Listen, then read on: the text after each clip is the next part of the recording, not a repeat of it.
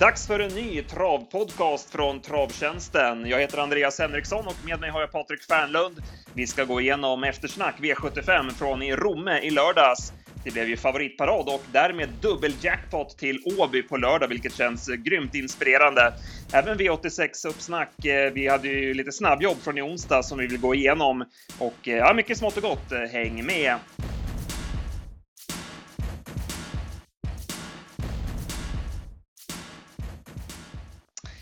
Ja, Patrik, du var ju på plats på Romme och gjorde värmningar och slutspel för oss i lördags. Ska vi börja med de yttre förutsättningarna och banan? Hur såg det ut egentligen? Ja, man var ju lite smått orolig när man begav sig till eh, Rommetravet så att säga. Men jag måste ge en eloge till barnskötarna för att de la på mycket nytt material och de bad nog till gud att det inte skulle komma regn för hade det gjort det då hade vi fått stora problem. Men nu blev banan finare och finare för varje lopp och eh, många kuskar berömde den också så att den var faktiskt rätt fin. Någon sekund tung kanske men efter förhållandena bra. Ja, det var verkligen bra jobbat av banpersonalen. Eh, och vi började V75 1 och det blev eh, Beppe Am, men det var inte helt odramatiskt om man säger så. Nej, han satt fjärde invändigt. Örjan sa det efteråt att han medvetet tog en lugn start för att han trodde han skulle kunna bli vass i ledningen och eh, som vi kommer in senare i podden här också så var det halvstorm på bort långsidan. Det var en fruktansvärd motvind som mötte hästarna och kuskarna så att Örjan tog en lugn start, satt fjärde invändigt. Är det någon annan kust att lösa sig för från fjärde invändigt så är det väl just Örjan. Ja, men precis. Så han hade ju chans att ta dödens där 1700 kvar, men valde att sitta kvar. Och sen även var det 650 kvar, där hade han chans att backa sig loss även i andra spår, men han fortsatte invändigt. Så att det var verkligen den taktiken han hade. Och det känns ju helt rätt med den här hästen, Beppe Am, som alltid har visat kapacitet, men haft lite fega tendenser och varit lite sådär äh, försiktig i loppen. Ja, hästen Så... mådde nog väldigt bra också att få, få sådana här lopp också, för nu har han ju vunnit tre raka segrar och ser otroligt blank och fin ut för dem. Det lyser ju form av hästen får man lov att säga. Mm. Som du säger, han har ju fått perfekta lopp här nu och det har varit väldigt bra för moralen på hästen. Så att, eh, helt rätt kört av Örjan och som sagt, det löste sig perfekt där. När Voityla Jean gick på där i tredje spår, det såg lite märkligt ja. ut. Ja, det blev, det blev lite fel där. Han tröttnade rätt tidigt så att säga. Och Qualis Talis galopperade ju där framför Beppam också. Eh, ut på sista varvet. Och ja, man vet ju inte hur det hade slutat om den hästen hade travat heller. Så det var en del tur inblandat men han vann ju väldigt lätt också. Så det var smart av både häst och kusk. Och eh, vi fick ju feeling för Daydream Rapida efter värmningen och det var vi ju inte ensamma om. Han blev ju favorit till slut. Ja, han värmde nog fruktansvärt bra. Han hade 17,5 300 meter och han såg jättefin ut. Men jag vet ärligt talat inte om vi ska dra några större slutsatser alltså. För att han fick bestämma i ledningen och den blåsten som var under V751, det var ingen lek alltså. Så att jag tror faktiskt att Daydream Rapidas insats var ändå rätt skaplig i alla fall. Så jag tar med mig han framöver här för jag tror ändå att han kommer vinna lopp snart igen. Där. V75 2 och Enjoy Boko såg ut som en ny häst tycker jag. Redan i värmningen såg man att hon var mycket lugnare och finare än tidigare. Ja, jag skrev det även på slutspelet att hon var ju betydligt lugnare än hon brukar vara så att säga. Hon var ju väldigt reglerbar, Jojosov där och hon eh, svarade ju för en jättefin insats i ledningen också. Det vart ju ingen lopp det heller så att säga, men hon vann, vann väldigt lätt och framförallt psyket så höll hon sig väldigt lugn. Ja, precis. Nej, man ska nog inte skriva upp loppet så mycket. Det blev ju Nej. väldigt bra när Bianca Am inte fungerade på banan och det var ju inte det hårdaste gänget bakom direkt. Så Nej, Nej det blir lite tuffare i finalen. Om man säger det så. kan man lugnt sagt. Det är svårt att vinna ett klass 2-försök billigare än hon gjorde nu, men det var kul att se att hon höll sig lugn i alla fall. Sen vill jag lyfta fram den där Chico som gick en riktigt eh, bra slutsväng också, höll farten bra. Det är ju, det kanske inte är någon ny superhäst så att säga, men den kommer duga väldigt bra på de här loppen på Romme, Rättvik och området här omkring. V75 3 och vi trodde mycket på 18 line. Man hade ju testat norskt huvudlag i veckan och det hade gett bra effekt och det kändes klockrent på den här hästen som haft sin sämsta bit till slut. Men eh, Mikko Ao ändrade sig och körde med helstängt och det vart ju pannkaka. Det blev, ja det vet inte ens om det blev pannkaka. Det blev nog ingen smet ens tror jag. Han fick inte ens ihop till smeten om man får vara helt ärlig faktiskt. För att de andra, vi ska tänka på att de andra loppen, där stapplar de med mål efter 17 första varvet. Och sen, nu var vi visserligen uppe i guld här alltså. Men han varvade på 11 tid 18 line och gick 10,5 andra 500. Och, ja, även om det såg stenklart ut 600 kvar så tänkte jag att det här kan aldrig gå alltså. För att han gick totalt in i väggen till slut alltså. Ja, han såg ju annars väldigt formstark och fin ut så att med norskt huvudlag och lite mer sansat upplägg så får han ju bestämma i ledningen och eh, då känns det som att han kan, att han kan vinna loppet.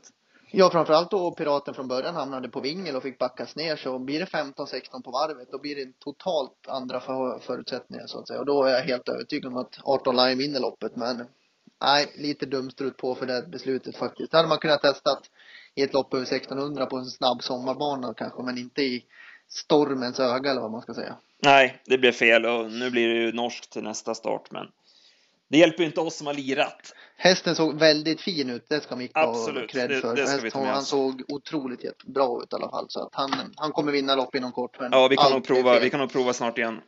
Det gör vi. On Track-piraten, eh, vad tycker du om honom? Ja, bra. Han eh, fick ju gå rejält sista halvvarvet där och såg ju stenslagen ut av High Speed Call 7500 kvar men han har en otroligt bra löpskalle och sträckte på sig ärligt utan att Johnny gjorde allt för mycket så att nej, Piraten har en gudomlig inställning och är ju en bra reklamhäst för Dalatravet. Absolut, och bör ju även gå framåt med det här loppet. Ja, han blir livsfarlig framöver här i eventuell final.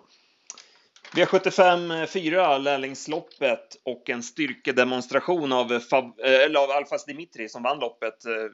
Det var inget snack om saken.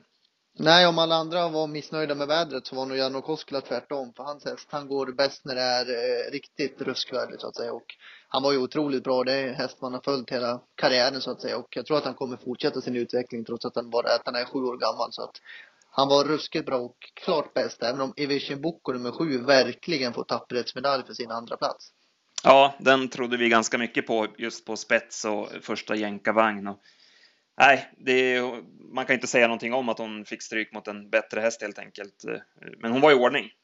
Hon var väldigt i ordning och det gick fort på långsidan ner där så att jag var imponerad att hon höll ihop så bra som hon gjorde. Ska nämna också att när Koda Goy där nummer 10 som Tino Erling körde, jag pratade med Tino efter loppet, han galopperade i 900 kvar, 800-900 kvar och tappade faktiskt en sko hästen. Och Tino sa det att eh, det är nog en, kan vara segern som rök där. Framför i alla fall en eh, topp 3 placering så vi, vi eh, passar Nakoda Goy framöver.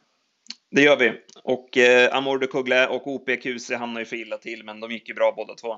Ja, de hade ju rygg på de Alfas Dimitri från start när de är så långsamma ut så att de hamnade ju långt bak och Oskar tyckte inte han kunde göra så mycket åt det utan han, han fick safea in tredjeplatsen om man kan säga så så att säga. Så det vart, det vart för långt fram och för mycket trafikproblem.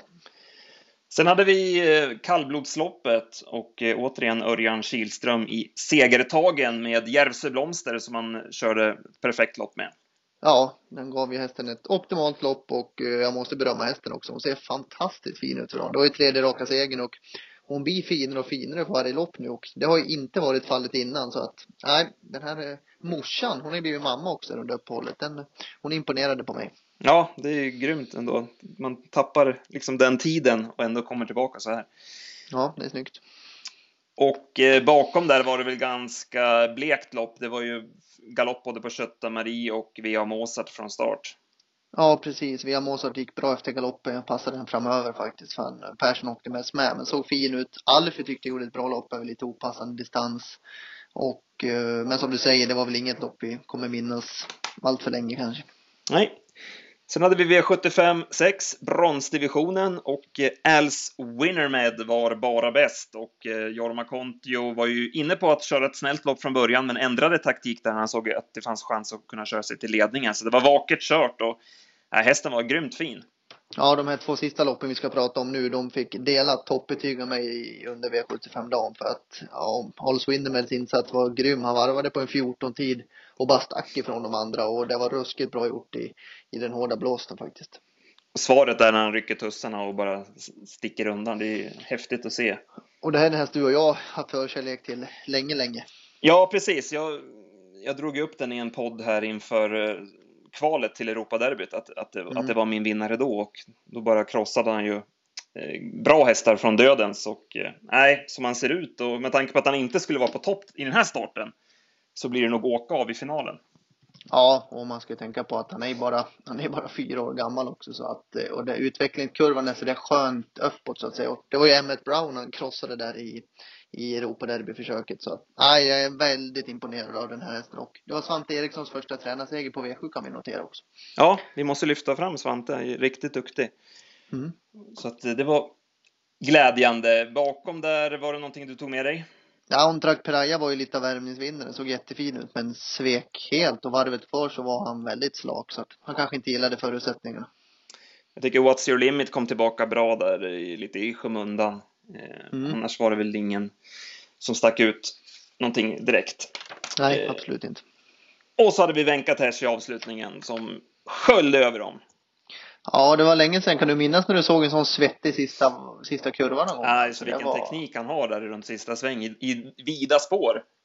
Ja, det, var... ja, det är häftigt att se. Ja, jag var helt mållös efteråt nästan. Jag hade redan bestämt mig att Alls Winnerman skulle få toppen av oss. Men jag var tvungen att ta dött lopp på den efter att ha sett den där svepningen. Och frågan är om inte Venkatesh imponerade ännu mer kanske. För att hur bra är den hästen när han är så här bra? Alltså det frågar jag mig. Ja, det är otroligt bra alltså. Så att, ja, även där blir det inte lätt att slå den i finalen. Så att, eh, I alla fall när han får sådana här lopp så är han ju otroligt svår att stå emot. Ja, verkligen. Och, nej, jag varit oerhört imponerad. Nu var det ju kanske inte det blodigaste gänget han mötte, men i silverdivisionen som han snart har klivit ur, där finns det ingen som är bättre rent kapacitetsmässigt i alla fall. Och Namale Kronos gjorde ett jättebra lopp från utvändigt ledaren som två. Såg jättefin ut inför loppet och hade varit ifrån lite och ska ju laddas mot Frankrike här nu som jag förstod så att eh, där får man nog eh, det kul i vinter, det tror jag. Annars var det väl ingen direkt, jag tyckte Talk to Talk fick inte chansen där bakom, satt väl fast lite grann. Annars var det väl ingen direkt som jag plussade för bakom.